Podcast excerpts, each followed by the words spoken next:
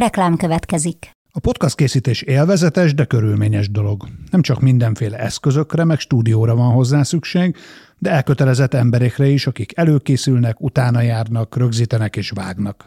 Ezen feltételek megteremtésében segítenek minket és kiadónkat, az egyik legnagyobb független hazai médiacéget, a hirdetők is, mint például a Vodafone Podcast Pioneers programja, amely támogatásával ez az adás is készült, és amely arra jött létre, hogy segítse a magyarországi podcast gyártást. Reklám hangzott el. Ha zászlónkra tűzünk egy gondolatot, akkor ezt hitelesen és következetesen kell képviselni. Éveken át. Tehát ez nem megy az, hogy ma ez a purpose holnap az a purpose Én azt gondolom, hogy a telekommunikációs szektornak, és egyébként minden szektornak önazonosnak kell lenni ebben. Tehát nem tűzhetünk purpose ki olyat az ászlónkra, ennek nem fogunk tudni megfelelni, és semmi közünk hozzá. Az biztos, hogy nekünk a kommunikáció, vagy a technológiai szektor, ezt egy picit tágabban értelmezve a technológiai szektor, által kínálókkal kapcsolatos purpose célszerű kitűznünk. Hogyha ezt megtaláljuk, és ennek megfelelően tudunk hosszú távon működni, és amikor terméket fejlesztünk, ezt veszük figyelembe, amikor hálózatot fejlesztünk, új technológiákat vezetünk figyelembe, akkor megkeressük a kapcsolódásokat, akkor ez előbb-utóbb átélhető lesz, és érthető lesz az emberek számára. Ha ezt nem csináljuk meg, akkor ez tényleg egy buzzword marad, vagy inkább azt mondom, hogy egy lufi. Yeah.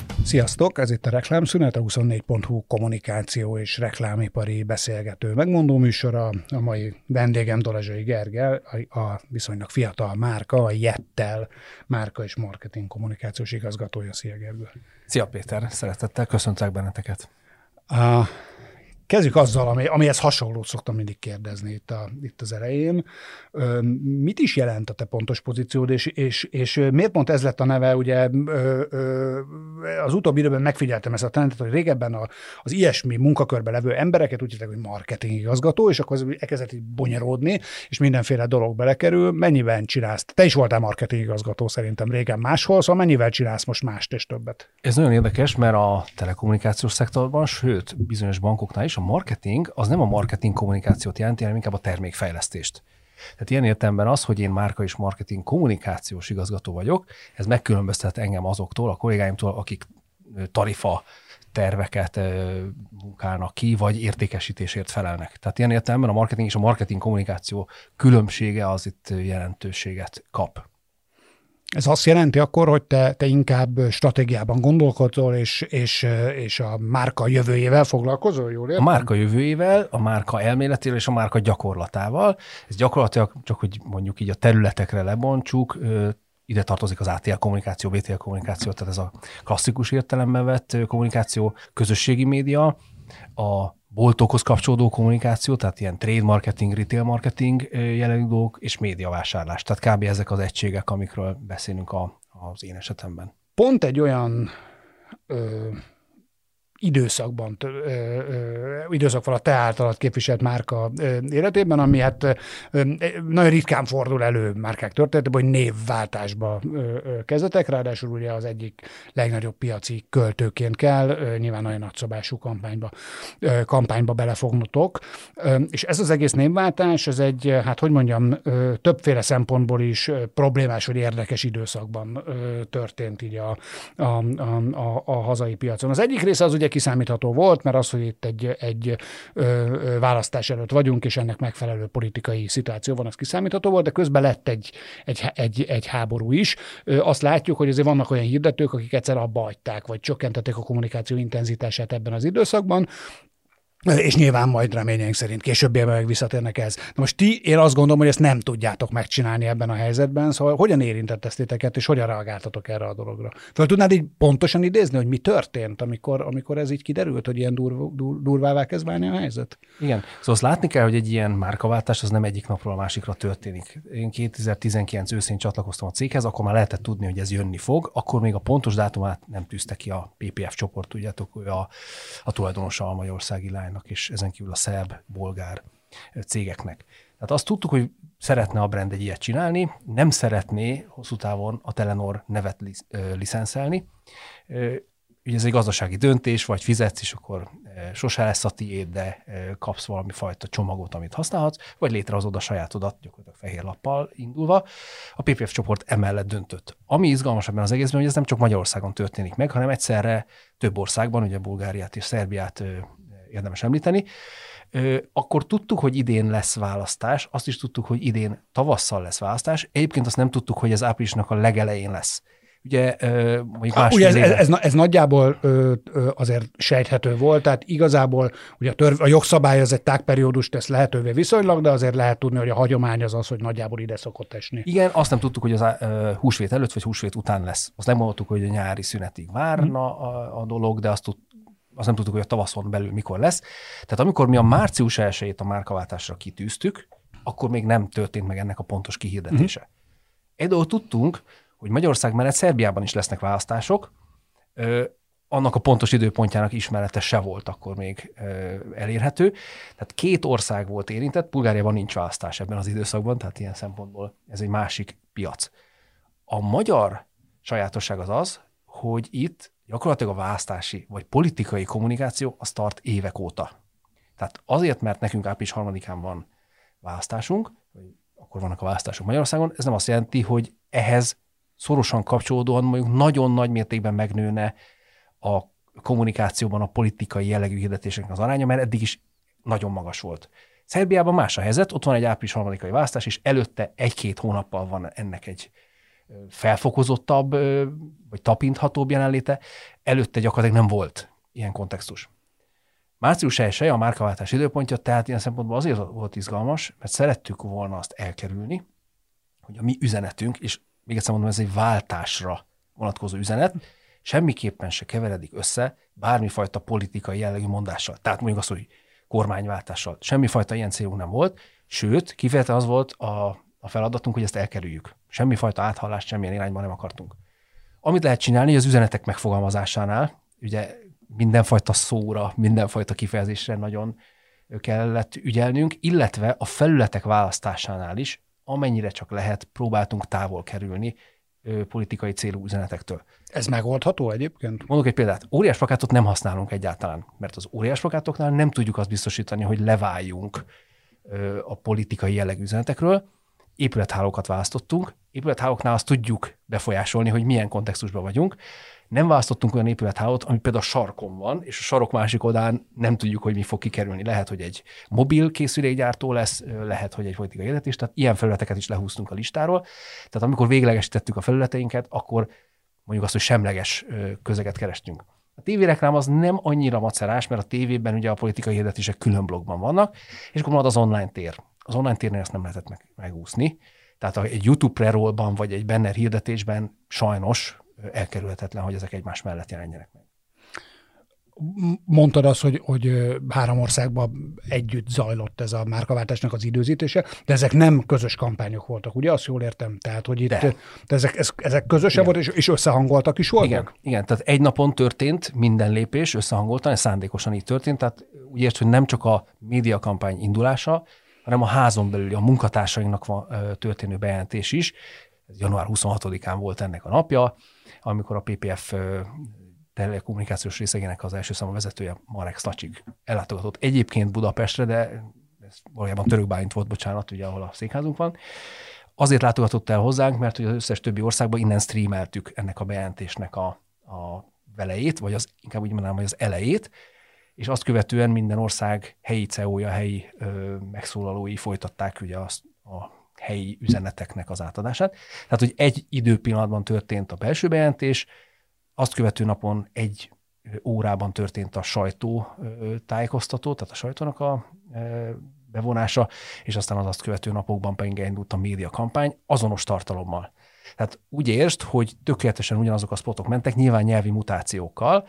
Ez egy animációs film volt, nem tudom, mennyire tudott felidézni, tehát szavak jelentek meg benne, nyilván a szavak Magyarországon magyar szavak voltak, magyarul kiírva, Szerbiában szerb szavak, Bulgáriában bolgár szavak, és Bulgáriában bolgár szavak ciril betűvel, tehát ott még az volt a különlegesség. Aztán tudjátok, hogy Szerbiában ugye a ciril betű is használatos, meg a latin is. A, latin is. a kommunikációban egyébként a latin betűket használja a jettel, Bulgáriában meg kizárólag a cirilt. És ez meg is marad, tehát hogy itt, a, itt összetartó üzenetek ö, fognak menni a különböző piacon, vagy mennek még most is, vagy pedig van egy pont, amikortól kezdve lokális irányokba indul el a kommunikáció. Igen, ma még ugyanazt csináljuk, de ez mondjuk a mai napra érvényes, vagy a holnapira. A márka fejlesztés, tehát egyáltalán a márka identitásnak a kialakítása, az közösen történt. Ezt egy londoni ügynökséggel csináltuk, nekik az a nevük, hogy Someone, tehát az a fajta keretrendszer, amiben dolgozunk, a logótól, a betűtípuson át a arculati kézikönyvig, ez minden országa pontosan olyan-olyan formában vonatkozik. Azt hiszem, ebben nincs túl nagy meglepetés. A bevezető kampány, ezt mi egyébként ilyen úgynevezett enhancement kampánynak hívtuk, tehát ez a februári időszak, aminek egyetlen egy mondata volt, hogy a Telenor márciustól jött el, tehát ezt a kampányt, ha fel tudod idézni. Ez a kampány egy londoni ügynökség által ö, került megvalósításra. Ahogy említettem, tökéletesen ugyanolyan ritmusban, ugyanolyan formátumban az egyes országokban. Mondjuk nagyon érdekes, hogy a szerbek és a bolgárok ugye teljesen más spot hosszokhoz vannak szokva, tehát ott egy 22 másodperces spot, az teljesen normális. Mi azért inkább ilyen kerek számokra vagyunk berendezkedve, tehát hogyha egy mondat kicsit hosszabb, akkor megtolják a spotot. Egyébként kampány közben akkor a 30 másodperces spotokkal. Mi egyébként 20-ast választottunk, de az is ilyen értelemben egy kerek szám, tehát erre a rövid üzenetre ez volt a általunk választott szerintünk legjobban működő formátum. Ami nagyon érdekes, hogy nekik borzasztó szabadságuk van abban, hogy mikor adják le, és az képest mikor kerül adásba. Egyébként nagyon rugalmas és nagyon profi volt a, a magyar ö, tévés csapat, vagy a, a szélszhazok is, meg a, nyilván az ügynökség is. Tehát az átlagos leadási időknél tudtunk sokkal rugalmasabb dolgokban megállapodni.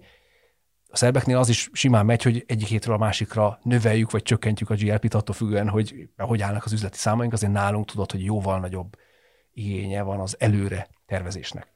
Tehát ez elindult ez a februári kampány, március 1 futott, és március 1-én elindítottuk a, azt a kampányunkat, ami már arról szól, hogy a jettel mit képvisel, ugye ezt a, ha egy szóban akarjuk elmesélni, ez a bizonyos egyensúly, vagy balance, ugye angol ezt így neveztük, és erre készítettünk egy reklámfilmet, ami ö, Bocsánat, kivettem egy kampányszakaszt. Tehát ö, Idézzük akkor most föl együtt ezt a kampányszakaszt. Igen. Tehát amikor február 1 elindult ugye ez a announcement kampány, annak egyetlen egy gondolata volt, következetesen ezt meséltük el, hogy a Telenorból márciustól jettel lesz.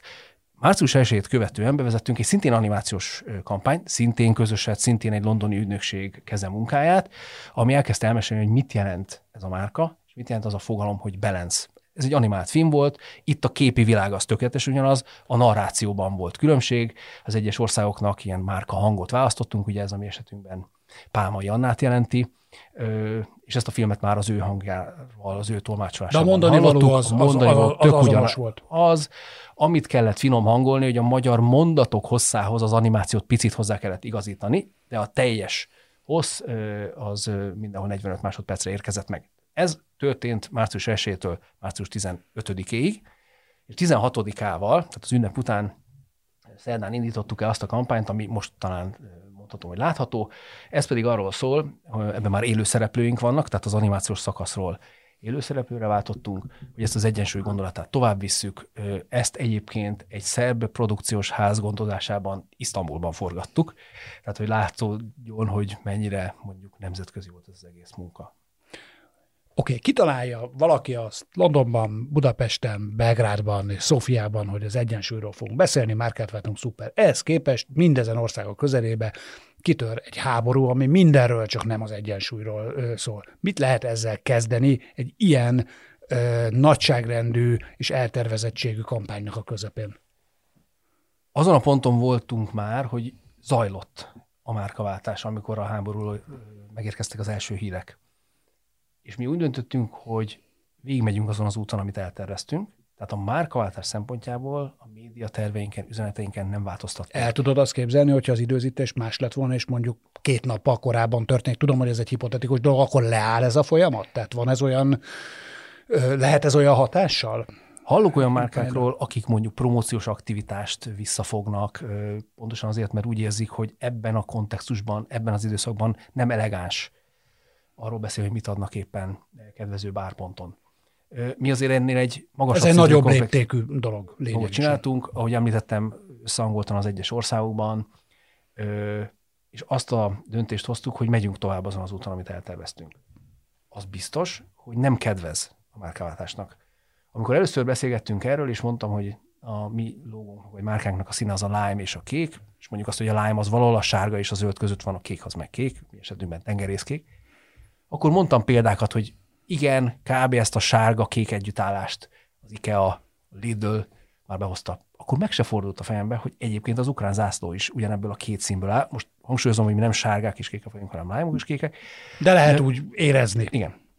Ö, erre nem, tehát nem lehetett felkészülni, most így fogalmaznék, és azt is gondolom, hogy nem is célszerű erre azonnal rá repülni, vagy erre reagálni. Úgyhogy mi tartottuk azt, amit elterveztünk, és megyünk végig azon az úton.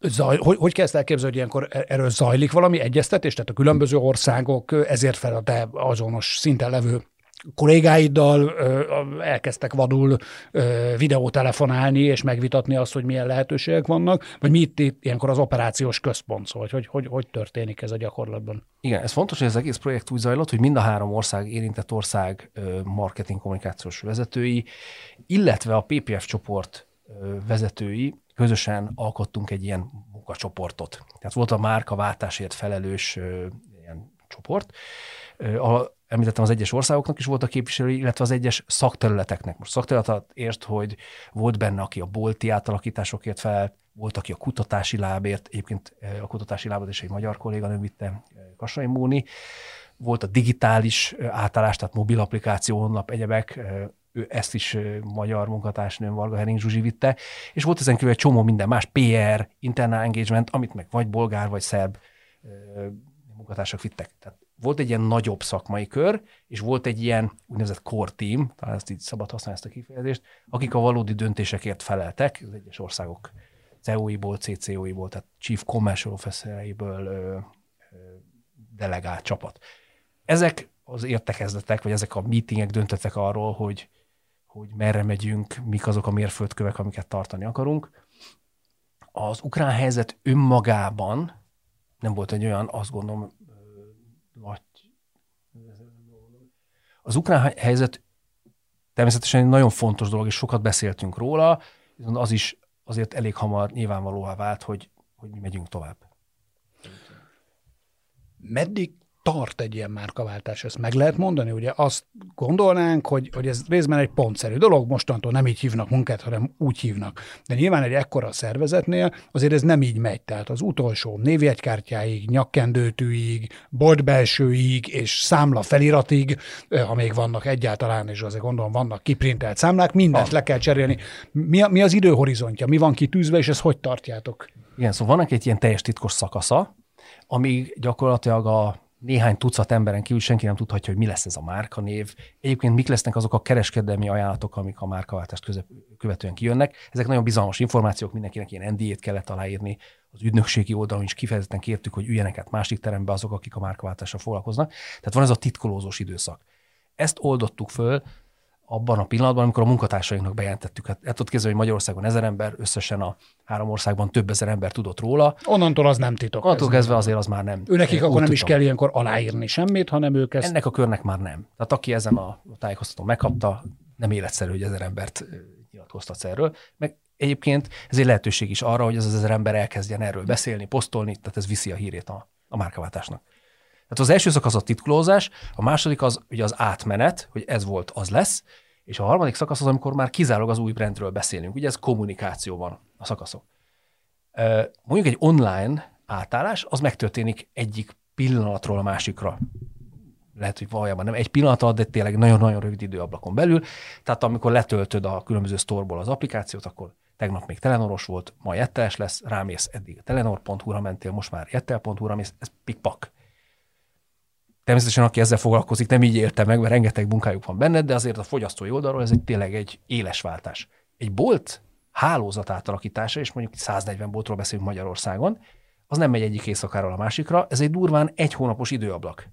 Tehát úgy kezded el, hogy február közepén megcsináltuk az elsőt, és valamikor most március közepén ö, csináljuk meg az utolsókat. Akkor ezzel most végeztek. Gyakorlatilag most végzünk azzal, hogy a kötelező köröket megfutattuk. Lecsavaroztuk a trilliumnak nevezük mi ezt a propellert, ami ugye a Telenornak volt az emblémája, és felcsorozzuk helyette a Jettel logót, az összes matricát, ahogy te is mondod, lekaparjuk, az egyenruhát, vagy a munkaruhát lecseréljük a munkatársaknak, és amit el tudsz képzelni. Tehát az ATM-eken, ahol be tudod fizetni a kártya egyelegedet, ott is le kell cserélni egy logót, és az összes ilyen úgynevezett touchpointra el kell menni. Sőt, a harmadik feleknél, tehát benzinkutakon, hipermarketekben értékesített termékeket is ugye meg kell oldani, hogy már az új márka alatt kerüljenek ki. Tehát ez egy elképesztően komplex logisztikai feladat, de még mindig nem mondhatjuk azt, hogy ha ezeket mind-mind elvégeztük, kész van a márkaváltás. Mert hogy azt is el kell érnünk, hogy az új márka ismertsége, és most beszélhetünk arról, hogy ez egy segített ismertség, spontán ismertség, kedveltség, elég sok paraméterre lehet ezt leírni, elkezdje megközelíteni azt a pontot, ahol a Telenornál jártunk. Ha belegondolsz most ebben az időszakban, és vannak friss kutatási számaim, azt látom egyébként, hogy a támogatott ismertség felülmúlja azt, amit erre az időszakra becsültünk, most spontán egy picit alul, de hogy most a támogatott ismertség az azt jelenti, hogy ugye elmondjuk, hogy ismered-e ezt és azt és azt, azért és az 99 és 100 százalék volt mindegyik mobil szolgáltatónál. Nekünk ez a szám még nem. A 99 és 100 százalékon van, ennyit talán elárulhatok. Az, hogy sorolj föl és spontán ö, mobil ö, szolgáltatókat, vagy telekommunikációs szolgáltatókat, abban a számban ez nyilván egy, mindig egy lényegesen alacsonyabb szám. Abban a számban most még nagyon-nagyon messze vagyunk attól, egy-másfél hónap után, ahol a Telenorra jártunk. Tehát ha azt kérdezed, hogy én mikor mondanám azt, hogy befejeztük, vagy lezártuk ezt az egész folyamatot, akkor azt mondanám, hogy ha legalább 80%-án lennénk azoknak a számoknak, ahol a Telenornál voltunk mondjuk február 1-én. És a, a saját fejekben hogy alakult? Te mikor mondtad legutóbb ki tévedésből, amikor jettelt akartál volna, de Telenort mondtál? Az mikor volt legutóbb? Én ö, azt mondhatom, hogy már, már legalább egy hónapja nem mondtam ki véletlenül, tehát tudatosan mondom, de nagyon sokan a környezetemben, még mondhatom, hogy a munkatársaim közül is, családtagjaim közül így mondják, de ezen azért nem lepődöm meg, mert még, még a panont is hallom időről időre, egy taxiban vagy, vagy máshol. Szóval én azt gondolom, hogy mire ez teljesen átáll a fejekben. Ugye matáv, az még mindig van. Vagy, vagy igen. Szóval azt látni kell, hogy ez 6 hónap és 18 hónap között lesz valahol. Rászóltok egyébként egymásra? Tehát az, egymásra? Tehát az hogy működik itt cégen belül? Összenevetünk, így, inkább így mondanám. A, beszéljünk egy kicsit a, kicsit a, a, a, a névről is. Ugye egy, egy olyan, ö, ö, egy névváltás mindig nagyon nehéz dolog, egyszerűen azért, mert az emberekbe eleve minden megszokott ellen, tehát egy nagy váltás az ellenállás ütköz ki. Mégis talán én a, a, azért néhány ilyen márkaváltást már végignéztem így ilyen külső szemlélőként, és, és, és, a, és itt most a szokottnál talán egy fokkal erősebb meglepődést véltem felfedezni a, a, a, a fogyasztó közönségben, és úgy éreztem, vagy azt olvastam, hogy elég sok kommentet néztem meg, hogy egyszerűen idegennek érzik a, a magyar nyelvtől ezt a nevet. Hogy, hogy született ez a döntés? Hogy kell ezt elképzelni a gyakorlatban? Van egy névválasztó bizottság, van egy száz neves lista, és akkor abból szépen húzogatjátok le, aztán eljuttok ide, vagy? Pontosan így, ahogy elmondod, van egy hosszú lista, aztán van egy rövid lista, ezzel az ügynökség jön? Vagy az ügynökség jön, a rövid listával az ügynökség jött, és több irány volt, amit viszonylag kidolgozott formában láttunk, tehát volt logója, volt brand purpose vagy brand story voltak alaparcolati elemei, tehát mondjuk meg tudtunk nézni, hogy hogy néz neki egy boltban, vagy egy, egy honlapon, tehát ilyen kidolgozottsági szinten megvizsgáltunk több irányt, és ezeket az irányokat elküldtük kutatásra minden országban, ahol a márkaváltás érintett, illetve olyan országokban is, ahol nem érintett, de lehet, hogy majd egyszer érintett lesz. Tehát mondjuk azt, hogy a cégközpont Csehországban, a cseh piacon is megkutattuk. És azt láttuk, hogy egyrészt nagyon kicsi a különbség az egyes országok között, ez szerintem picit meglepetés, hogy nekem legalábbis az volt. Tehát ugyanazt gondolják zömében a bolgár, a, bolgárok, a szerb, meg a, a cseh, meg a magyar fogyasztók. És a visszajelzés az volt, hogy ez alapvetően jó. Alapvetően jó, pozitív, frissnek hat, üdének hat, és úgy érzik, hogy, hogy izgalmas a dolog. Ezt mondod, mi volt a második helyzet? Nem, nem mondom meg. Annyit elárulhatok, Sejtettem. annyit, kérlek, nevet pökhendiségnek, de ez, ez üzleti dolog. Annyit elárulhatok, hogy volt egy név, ami kiszivárgott a bolgár piacon, a bolgár sajtóban, ennek azután, hogy lá, la-a, tehát mint a szolmizációból is lehetne, és mondhatom azt, hogy Kodály Zoltán hazájában ez akár egy jó dolog is lehetett volna. Én azért a nap végén ülök, hogy nem ez lett. Tehát, hogy munkahelyem lá, nem tudom. Ez magyarul, valószínűleg itt vannak olyan nyelvi különbségek, ez magyarul valószínűleg furcsábban hangzott. Igen, igen. Ö, mint esetleg. Nagyon érdekes, hogy még ez a név sem szerepet tragikusan rosszul. Ö, Szóval hogy volt egy önbizalmunk a kutatás után, azt láttuk, hogy ez, ez egy jó kezdet. És ha szabad ezt a hasonlatot elmondanom, ö, én azt gondolom, hogy egy rockzenekar, vagy bármilyen zenekar nem attól lesz valójában népszerű, hogy mi a neve. Tehát nem tudom, a tankcsapda egy jó néve, vagy a halott pénz jó néve. Egy ö, zenekar attól lesz jó, vagy attól lesz népszerű, hogy jók a dalai, vagy jó a ö, frontemberük, vagy, vagy izgalmasak a videoklipjei.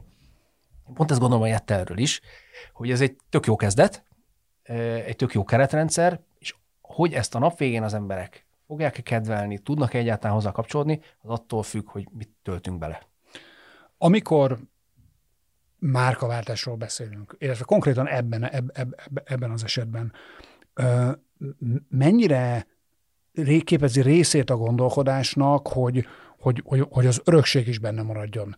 Ha- Vagy kérdezhetem úgy is, hogy, hogy, hogy a jettelben van-e vala- valahány százalék, és akkor ha igen, akkor hány százalék Telenor, vagy akár Panon GSM még. A névben, az arculatban nincs, nulla százalék. A Telenor az egy sokkal skandinávabb volt, ha van ilyen szó, ami azt jelenti, hogy hűvösebb, visszafogottabb, azért az a világos kék szín ö, egy jóval ö, decensebb világot adott ki. A Jette sokkal karakánabb, sokkal modernebb, mi azt gondoljuk, és sokkal inkább megfogalmazott az alkotása során az az igény, hogy ez a digitális korban üssön, működjön jól. Ezt úgy értsd, hogy előbb néztük meg, hogy hogy fog kinézni mobil kijelzőn, mint hogy hogy fog mutatni épülethálón vagy sajtóhirdetésben, mert hogy abban hiszünk, és mondom, hogy ez nem telkó specifikus dolog, hogy egyre többször digitális kijelzőkön fognak ezzel a márkával. előbb ezeknek a- építettétek meg mondjuk az applikációt, mint a, mint a desktop felületeteket? Ö, Ez egyébként eh, nem feltétlenül igaz ez a sorrend, azt emelném inkább ki, hogy amikor döntöttünk arról, hogy hogyan kell kinézni ennek a logónak, vagy mi legyen a pontos árnyalata, akkor először screeneken néztük meg.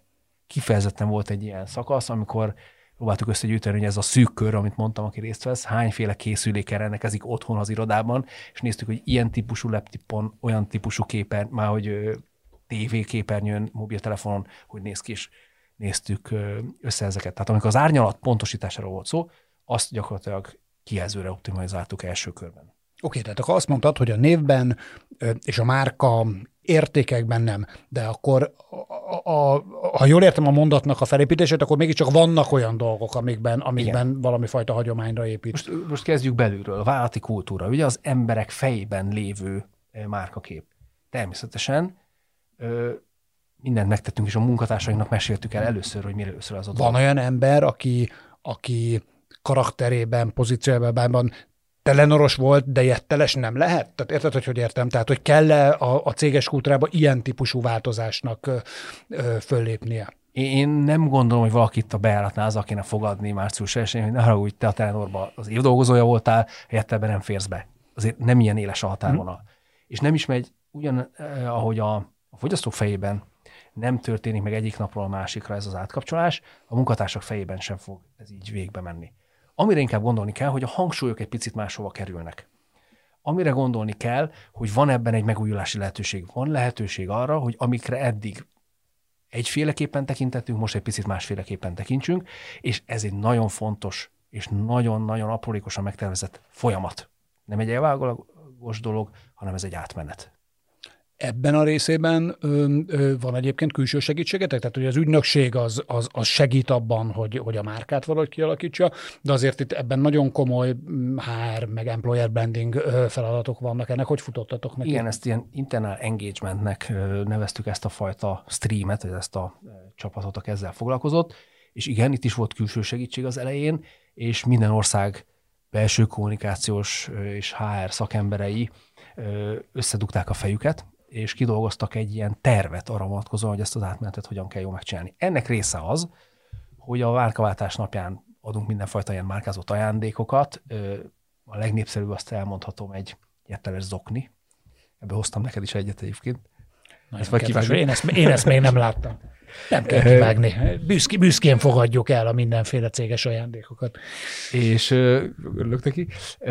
De most gondolsz, to- tolltól a pasztartonától mindenfajta ö, kézzelfogható dolgokig, De nagyon fontos, hogy el kell mesélni, hogy ez az új vállalat kultúrájában mit képvisel. Ugye minden márka, én azt gondolom, törekszik arra, és mi esetünkben ez meg is valósult, hogy legyen egy purpose, legyen egy dolog, egy központi gondolat, ami alá fel tudunk zárkozni. Ez megjelenik a külső kommunikációban, és ez a központi gondolat kell, hogy vezéreljen bennünket házon belül is. Létrehoztunk értékeket, létrehoztunk ilyen viselkedési mintákat, viselkedés formákat, amire azt gondoljuk, hogy egy jetteles kultúrában. Ezt ezeket ez hogy, hogy kell elképzelni, hogy létrehozok egy viselkedés formát? A, a, egy színész eljátsza a dolgozóknak, hogy így kell bizonyos helyzetekben? Nem, nem, ezek inkább ilyen hívószavak, így képzeld el. Tehát hogyan ö, viszonyulunk egymáshoz, hogyan viszonyulunk ö, az új dolgokhoz, hogyan viszonyulunk az ügyfeleinkhez, hogyan viszonyulunk a vitához, a véleménykülönbségekhez. Tehát ezekkel kapcsolatosan vannak ilyen alapelveink, amiket létrehoztunk, és ezeket először is meg kellett magunknak formálnunk, utána el kell kezdjük ezt átadni, és utána el kell kezdenünk ennek megfelelően élni. Ennek nagyjából az átadási szakaszában vagyunk. Tehát nem tudnám azt neked kijelenteni, hogyha végignéznéd, ez egy 7 pontból álló lista, ennyit talán elárulhatok. Ha most bejönnél tetszőleges napon az irodába, nem mondom azt, hogy mind a hét pont mellé tudná azonnal pipát tenni, inkább azt mondom, hogy e felé tartunk. Ez nem a jelenlegi állapot rögzítése, hanem a jövőbeni ambíciónak a kitűzése. Kell majd jettelességből vizsgázni a munkavállalóknak? Még nem voltam, hogy lesz egy ilyen jettel certifikát, aminek meg kell felelni, de az nagyon fontos, hogy legyenek közös gondolataink, olyan dolgok, amiket minket egy csapattá szerveznek. Nap végén ez jelenti azt, hogy van a vállalatnak egy kultúrája. Említetted a purpose ami most az egyik legnagyobb ilyen buzzword ezen a, ezen a, a piacon. Most a márkaváltástól teljesen függetlenül is. Mi, mi, mit gondolsz arról, hogy, hogy pont erről, hogy ez, hogy ez mennyire buzzword, szóval ezt most tényleg mindenki elmondja minden ilyen marketinges interjúban, mennyire kell egy cégnek a kommunikációját társadalmi ö, ö, ö, célok, feladatok, elvárások közé, ö, köré ö, ö, ö, szervezni, és és van-e ebben valami, valami speciális szerepe, valami speciális elvárás a, telekommunikációs cégekkel kapcsolatban? Én azt gondolom, hogy ez nem egy CSA dolog a, a purpose. Sőt, azt is gondolom, hogy ez a kommunikáció szintjén reked, tehát vagy a CSR, vagy akár a tévéreklámok szintjén reked meg, akkor fabatkát sem ér akkor van értelme purpose beszélni, hogyha a vállalat minden egyes tevékenységében ez tetten érhető. Ha ezt tudjuk, hogy mi ez, és éljük, ennek megfelelően dolgozunk. Ha zászlónkra tűzünk egy gondolatot, akkor ezt hitelesen és következetesen kell képviselni. Éveken át. Tehát ez nem megy az, hogy ma ez a purpose holnap az a purpose Én azt gondolom, hogy a telekommunikációs szektornak, és egyébként minden szektornak önazonosnak kell lenni ebben. Tehát nem tűzhetünk purpose ki olyat a, az ászlónkra, meg nem fogunk tudni megfelelni, vagy semmi közünk hozzá. Az biztos, hogy nekünk a kommunikáció, vagy a technológiai szektor, ezt egy picit tágabban értelmezve a technológiai szektor, által kínálókkal kapcsolatos purpose célszerű kitűznünk. Hogyha ezt megtaláljuk, és ennek megfelelően tudunk hosszú távon működni, és amikor terméket fejlesztünk, ezt veszük figyelembe, amikor hálózatot fejlesztünk, új technológiákat vezetünk figyelembe, akkor megkeressük a kapcsolódásokat, akkor ez előbb-utóbb átélhető lesz, és érthető lesz az emberek számára. Ha ezt nem csináljuk meg, akkor ez tényleg egy buzzword marad, vagy inkább azt mondom, hogy egy lufi. Egy olyan az minden ember életére valamilyen módon ható és, és, és váratlan dologra, mint például egy háború kell reagálni egy cégnek. Most függetlenül attól, hogy nálatok így, így már kavártál zajlik, most egy kicsit ettől tekintsünk el, és általánosságban kérdezem, hogy, hogy feladatotok-e nektek ilyenkor tenni valamit, vagy pedig ez nem a piaci szereplőknek a, a, a, a feladatkörébe tartozik szerintem. Én azt gondolom, hogy ez feladatunk, de egy pillanatig sem kényszerként éltük meg.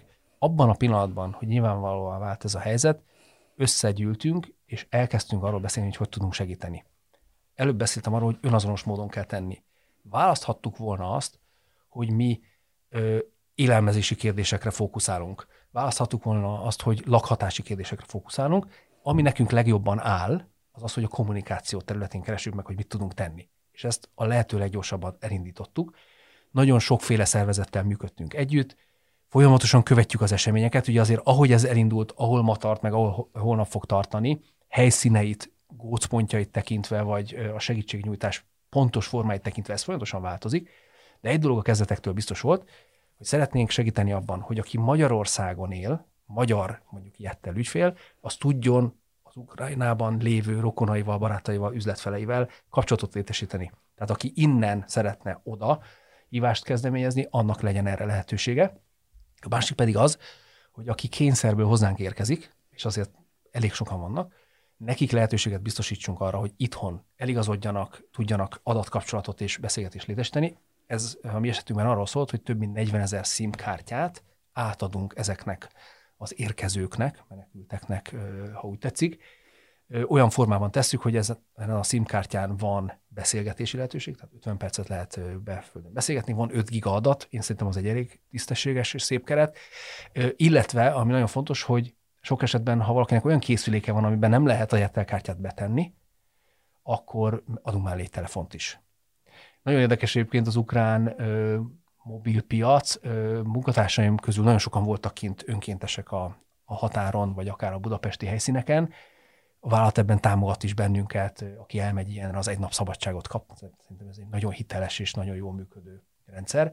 Nagyon sok ukrán ö, mobil használónak olyan készüléke van, amiben két SIM-kártya, és ez ilyen dual SIM-es dolog. Ez Magyarországon nem annyira népszerű. Általában a keleti piacokon jellemző szokott lenni. Keleti piacokon jellemző, és azt akartam ezzel elmesélni, hogy ez jó lehetőséget biztosított arra, hogy az általunk adott kártyát nagyon sokan egyből tudták Tehát nem a telefont fogadták el, hanem nem arra volt szükségük, hanem tudták a meglévő készülékeket, meglévő készülékeket használni. Igen. Ö, ide kapcsolódik, és egy kicsit kapcsolódik a, a, a purpose mellé is annyiban, hogy, hogy hogy a másik ilyen nagy buzzword, amit gyakorlatilag most mindenhonnét hallok, az a brand safety, ami ugye egy ilyen szituációban, amikor, amikor ráadásul mindenféle értelemben nem safety média közeg vesz minket, minket körül, akkor, akkor ez fölmerül márkákban, mi maguk is látjuk azt a, a, a saját felületeinken, hogy érkeznek olyan hirdetői igények, hogy hogyan, ugyan sok embert akarunk elérni, de hogyan lehet úgy megjelenni, hogy, hogy, hogy hát a márkánk ne érjen hozzá olyan dolgokhoz, amikkel nem szeretnénk azonosulni. Ti mit gondoltok erről nektek? Ez mennyire fontos, és egyáltalán elvárható-e, ha most a háborútól el is tekintünk, hogyan egyeztethető össze az az elvárás hirdetői oldalról, hogy szeretnék nagy elérést, ugye ti sokakhoz beszéltek, és mégis valahogy egy kicsit félünk azoktól a felületektől, amit az emberek sokan fogyasztanak. Tehát hogyan álltok ehhez a, ehhez a problémához? Igen, beszéltünk arról, hogy ez közterületen hogyan oldható meg, ott fizikailag lehet szeparálni a különböző üzenettípusokat, és beszéltünk arról a paradoxonról is, hogy igen, a nagy látogatottság az jó, mert sok ember látja a hirdetéseinket, vagy az üzeneteinket. És ugye ezt szeretnétek is, tehát hogy ti nem egy nis brand vagytok, hanem ti gyakor- gyakorlatilag mindenkihez beszéltek. Főleg egy márkaváltás kapcsán. Tehát még azt lehet mondani, hogy bizonyos termékeink lehet, hogy egy szűkebb célcsoportnak szólnak, a márkaváltás ténye gyakorlatilag mindenkihez. Tehát jól látod, izgalmasak nekünk a nagy látogatottságú felületek, vagy a nagy látogatottságú konkrét tartalmak, vagy, vagy oldalak. Természetesen ezzel egy időben nem akarunk semmifajta olyan áthallást, olyan fajta kontextust magunknak, ami magyarázatra szorul. Úgyhogy óvatosnak kell lenni ebben a dologban. Azért azt te is látod, és, és pontosan tudjátok tartalomgazdaként, hogy azért, hogy kizárjak bizonyos oldalakat, vagy tartalomtípusokat, ennek nincs igazából nagy keletje, nincs igazából jó bejáratott módja. Tehát tudok az bizonyos hirdetőket, bocsánat, bizonyos felületeket egy egybe kizárni, ezt nem tudom megmondani, hogy nálatok az egyes tartalmi megjelenések közül csemegézzek, hogy én az időjárást azt nagyon kedvelem, mert abban nagy baj nem lehet a politikai, vagy... Vannak azért nyilván, nyilván megoldások, amikkel, amikkel irányítani tudod a hirdetés helyezését, rovatot tudsz választani, címke alapon tudsz ö, ö, targetálni, tehát azért vannak erre megoldások, nyilván nem százszázalékos megoldások. Igen, igen, tehát hogy amennyit így a, a józanésszel, meg, meg gondos szakmaisága meg lehet tenni, azt megtesszük, de azt látom, hogy száz százalékig kizárni, hogy olyan kontextusban meg fog jelenni hirdetésünk, amit mondjuk ha egyesével válogatnék és válogathatnék, akkor nem választanám, ezt nem tudom garantálni. De ez baj? Tehát, hogy szerinted ö, ö, ö, kárt okoz tényleg a te márkádnak, hogyha esetleg, tehát nem, nem elég felnőtt a fogyasztó ahhoz, hogy ezeket szétválassza ö, egymást, elválassza egymástól? Szerintem két dologról be lehet beszélni. Egy átlagos hírolvasó, szintjéről, meg az esetleges rossz indulatú kommentelőkről. Tehát ha valaki keres olyan dolgot, amiben beleköthet, akkor én azt gondolom, most fog találni. Őszintén ezt gondolom. Ha valaki a tartalmat úgy fogyasztja, hogy ő tájékozódni szeretne, bizonyos témában el szeretne mélyülni, és ott látott egy hirdetést, ami nem százszázalékosan oda való, akkor van annyira felnőtt, van annyira érett, hogy azt figyelmen kívül hagyja. Egy, egyébként ti látjátok azt, tehát érkeznek hozzátok ilyen típusú, típusú panaszok, hogy mit képzeltek ti, hogy itt és itt hirdettek? Nem. Eddig egyetlen egy ilyen se futott be hozzánk. Ez nem jelenti azt, hogy nem fog beérkezni ilyen, de a közösségi médiában se találkoztunk ilyennel, illetve a direkt csatornákon se jött ilyen jellegű megkeresés. Az automatizált hirdetésű megoldások azok mennyire jelentek? Egyáltalán nálatok ez mennyire fontos, hogy tényleg egy nagy, nagy, nagy hirdetők vagytok, és tömegelérést akartok vásárolni, tehát ti rá vagytok arra kényszerítve, vagy, vagy, vagy, vagy, vagy együtt éltek azzal, hogy ti tömegmédiumokban ö, hirdettek. Szerinted ö, ö, van az a tendencia nátok, vagy lesz az a tendencia, hogy, hogy, hogy a klasszikus hirdetésű megoldásoktól a, a, az automatizált megoldások felé mozdultok el? Én nem látok ebben olyat, hogy kizárólag az egyik, vagy a kizárólag a másik. Én abban hiszek, hogy ezt egy jó mixben kell csinálni, és a mixnek az arányaival kell folyamatosan játszani. Az is látszik, hogy vannak olyan üzenettípusok, és megint azt mondom, hogy egy márkaváltás, ahol sokkal szélesebb közönségre lövünk, ott a célzásnak a finomsága, az teljesen más, mint amikor azt mondjuk, hogy van egy bizonyos készüléktípus, egy bizonyos tarifatípus, amit pontosan tudunk, hogy kiknek akarunk eladni. Tehát én azt látom, hogy a kevésbé célzott, nagy elérésű megoldások, tehát mondjuk egy AV-re optimalizált megoldások, és az egészen ö, másik végen lévő konverzióra optimalizált, vagy konverzió alapú megoldások egészséges mixe az, ami a jövő. Lépjünk egy kicsit, kicsit hátrébb, és próbáljuk, ezt, próbáljuk a, a, a piacot egyen messzebbről nézni. Te mit gondolsz arról egy, egy nagy márka felelősöként, hogy mi, mi a márka szerepe egyáltalán a mai médiapiacon, vagy a mai, mai, mai popkultúrában, hogyha, hogyha úgy tetszik. Mit várunk a márkáktól? Én azt gondolom, hogy a márka az egy önbizalmat és igazodást jelentő fogalom. Akkor, hogyha nekünk fogyasztóként arra van szükségünk, hogy egy termékkategórián belül valamilyen módon a rendelkezésünkre álló választásokban tudatosabbak legyünk, vagy valamilyen módon ebben ö, előre tudjunk haladni, akkor jó, hogy vannak igazodási pontok. Lehet az ár egy igazodási pont, lehet valami fajta termék tulajdonság egy igazodási pont, és lehet a márka is, vagy ezeknek valami fajta mixe. Én hiszek abban, de talán ebben a székben ez nem meglepő, én hiszek abban, hogy a márka a végső döntésekre nagyon jelentős befolyással van. Hiszek abban, hogy egy jól felépített márka, ami releváns, ami izgalmas, ami jó pillanatban, jó helyen talál meg, az segít nekem abban, hogy jó döntéseket hozzak, és segít abban, hogy megerősítse azt, hogy ami ilyen döntést hoztam, azt jól tettem. És akkor mindez képest ö, ö, mi a márkák életében az ügynökségeknek a feladata. Ugye ez, e, e, ti sokféle ügynökséggel dolgoztok együtt, és most is az előbb is mondtad azt, hogy ráadásul e, például a márkaváltásban nem is egy hazai, hanem egy nagy nemzet, vagy egy nemzetközi ügynökséggel e, működtök együtt. Hogyan működik ez? Tehát mi a, mi a márkákhoz való viszonya az ügynökségeknek, és hogyan, és változott ez szerinted, hogy te dolgoztál különböző ö, ö, szektorokban, és elég régóta vagy ezen a pályán, változott ez mondjuk az elmúlt tíz évben ez a dolog? Ő azt mondta, hogy sok ügynökséggel dolgozunk, egyébként nem olyan sokkal, tehát azért az Artificial Group a lead ügynökségünk, és azért azt lehet mondani, hogy nagyon szoros kapcsolatban vagyunk velük, nagyon szoros együttműködésben vagyunk. De sok alatt arra gondoltam, hogy nem egy ügynökségetek van, hanem más területen, tehát hogy ja, persze, megjelennek. Persze, a rendezvényekre más van. ügynökséget használunk, vagy, vagy is social médiában is van más segítségünk is az Artin kívül. Ami izgalmas ebben az egészben, hogy mit érdemes házon belül tartani, és mit érdemes házon kívül. Milyennek az előnye, milyennek a hátránya. Nagy márkákat látunk, tehát Apple, aki azt mondja, hogy ő jobban bízik azokban a kollégákban, akik bent ülnek, abban a székházban, abban a közegben. Lehet, hogy ez azért van, mert bizalmas az információ, be akarják minden módon akadályozni, hogy illetéktelen kezekbe jusson. Lehet, hogy hisznek abban, hogy aki csak nekik dolgozik, az elmélyültebb, többet tud róla, jobban kötődik az az adott termékhez. Tehát a házon belülségnek biztos, hogy előnye az, hogy többet tud, és sokkal inkább a fókusza arra az adott termékre, arra az adott márkára összpontosul az ember résztvevőknek. A másik oldal az az, hogyha egy ügynökség több szektorban ö, működik, nyilván azon szektorban véletlenül nem dolgozik versenytársaknak, azt mondom, hogy kizárható, akkor többféle tudással rendelkezik. Azok a szakemberek, és most kreatív igazgatótól operátoron át bárkire, ha gondolsz, akik többféle dolgot látnak, lehet, hogy frissebbek, lehet, hogy jobban tudnak ö, új ötleteket behozni, és ezáltal a nap végén egy színesebb, napra készebb végtermék márka kommunikáció születik. Én azt gondolom, hogy mind a kettő mellett hosszasan lehet érvelni, és látok ebben dinamikát is, hogy mikor van inkább az outsourcingnak egy ilyen felívelő szakasza, mikor van inkább a húzzuk be házon belül a, a tudásnak hulláma, és azt is látom, hogy ez különböző szakmacsoportoknál másképp van. Egy médiavásárlásnál, egy social médiánál, vagy egy ATL kommunikációnál más-más szinteken vannak ezek a, a insourcing, outsourcing lépések. Én nem érzem ezt egy statikus dolognak.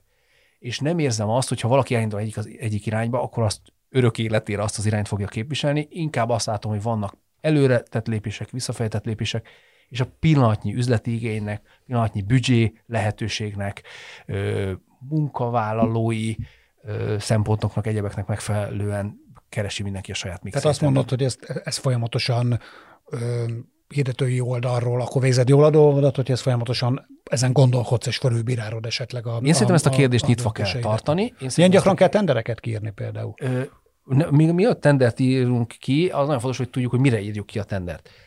Elég jól lehet számszerűsíteni azt, hogy egy média vásárlásnak mik a költségei. Mennyibe kerül a médiaügynökségi jutalék, most tényleg nagyon egyszerűen mondva, és mennyibe kell ugyanazokat a szakembereket házon belőle ültetni. Lehet ennek a, a forgatókönyveit számszerűsíteni, elég pontosan lehet, és lehet ez alapján mindenfajta üzleti modelleket felépíteni. Most a médiaügynökséget emeltem ki, de ugyanezt a kreatív munkafolyamatokra is meg lehet csinálni. Házon belül lehet podcast stúdiót létrehozni, házon belül lehet akár forgatásokat is megosztani egy extrém esetben. Tehát ezeket a szenáriókat kell szerintem minden marketing kommunikációs területnek önmagának végvetíteni, vagy végszámolnia. Ha megvan, hogy mi melyik modellben hiszünk, és tudjuk, hogy milyen feladatra lesz szükségünk házon belül, vagy házon kívül, akkor ezt a tendert ezt ki lehet írni, meg lehet beszélni, hogy erre van szükség, és akkor lehet egy szuperversenyt ö, hirdetni. Záró kérdés. Beszélhetünk itt buzzwordökről, amik a éppen divatosak a kommunikációs piacon, ezek jönnek, mennek. Mm. Mit gondolsz arról, hogy mi lesz, a, mi lesz a következő ilyen nagy dolog ebben a kommunikációs iparban, amiben itt együtt tevékenykedünk? Látok egy nagyon erős tendenciát, ami a reklámkerülésről szól. Tehát adblocking és mindenfajta, ez technológiailag is, illetve fejben is nagyon sokféle fokozatot jár be. Alapvetően azt látom, hogy a reklámok kedveltsége, tehát ha úgy tekintünk rá, mint, mint reklám, az ez nagyon nehéz tetten érve azt mondja, hogy valaki, hogy ő reklámrajongó, akkor, hogyha nem a reklám szakmában dolgozik.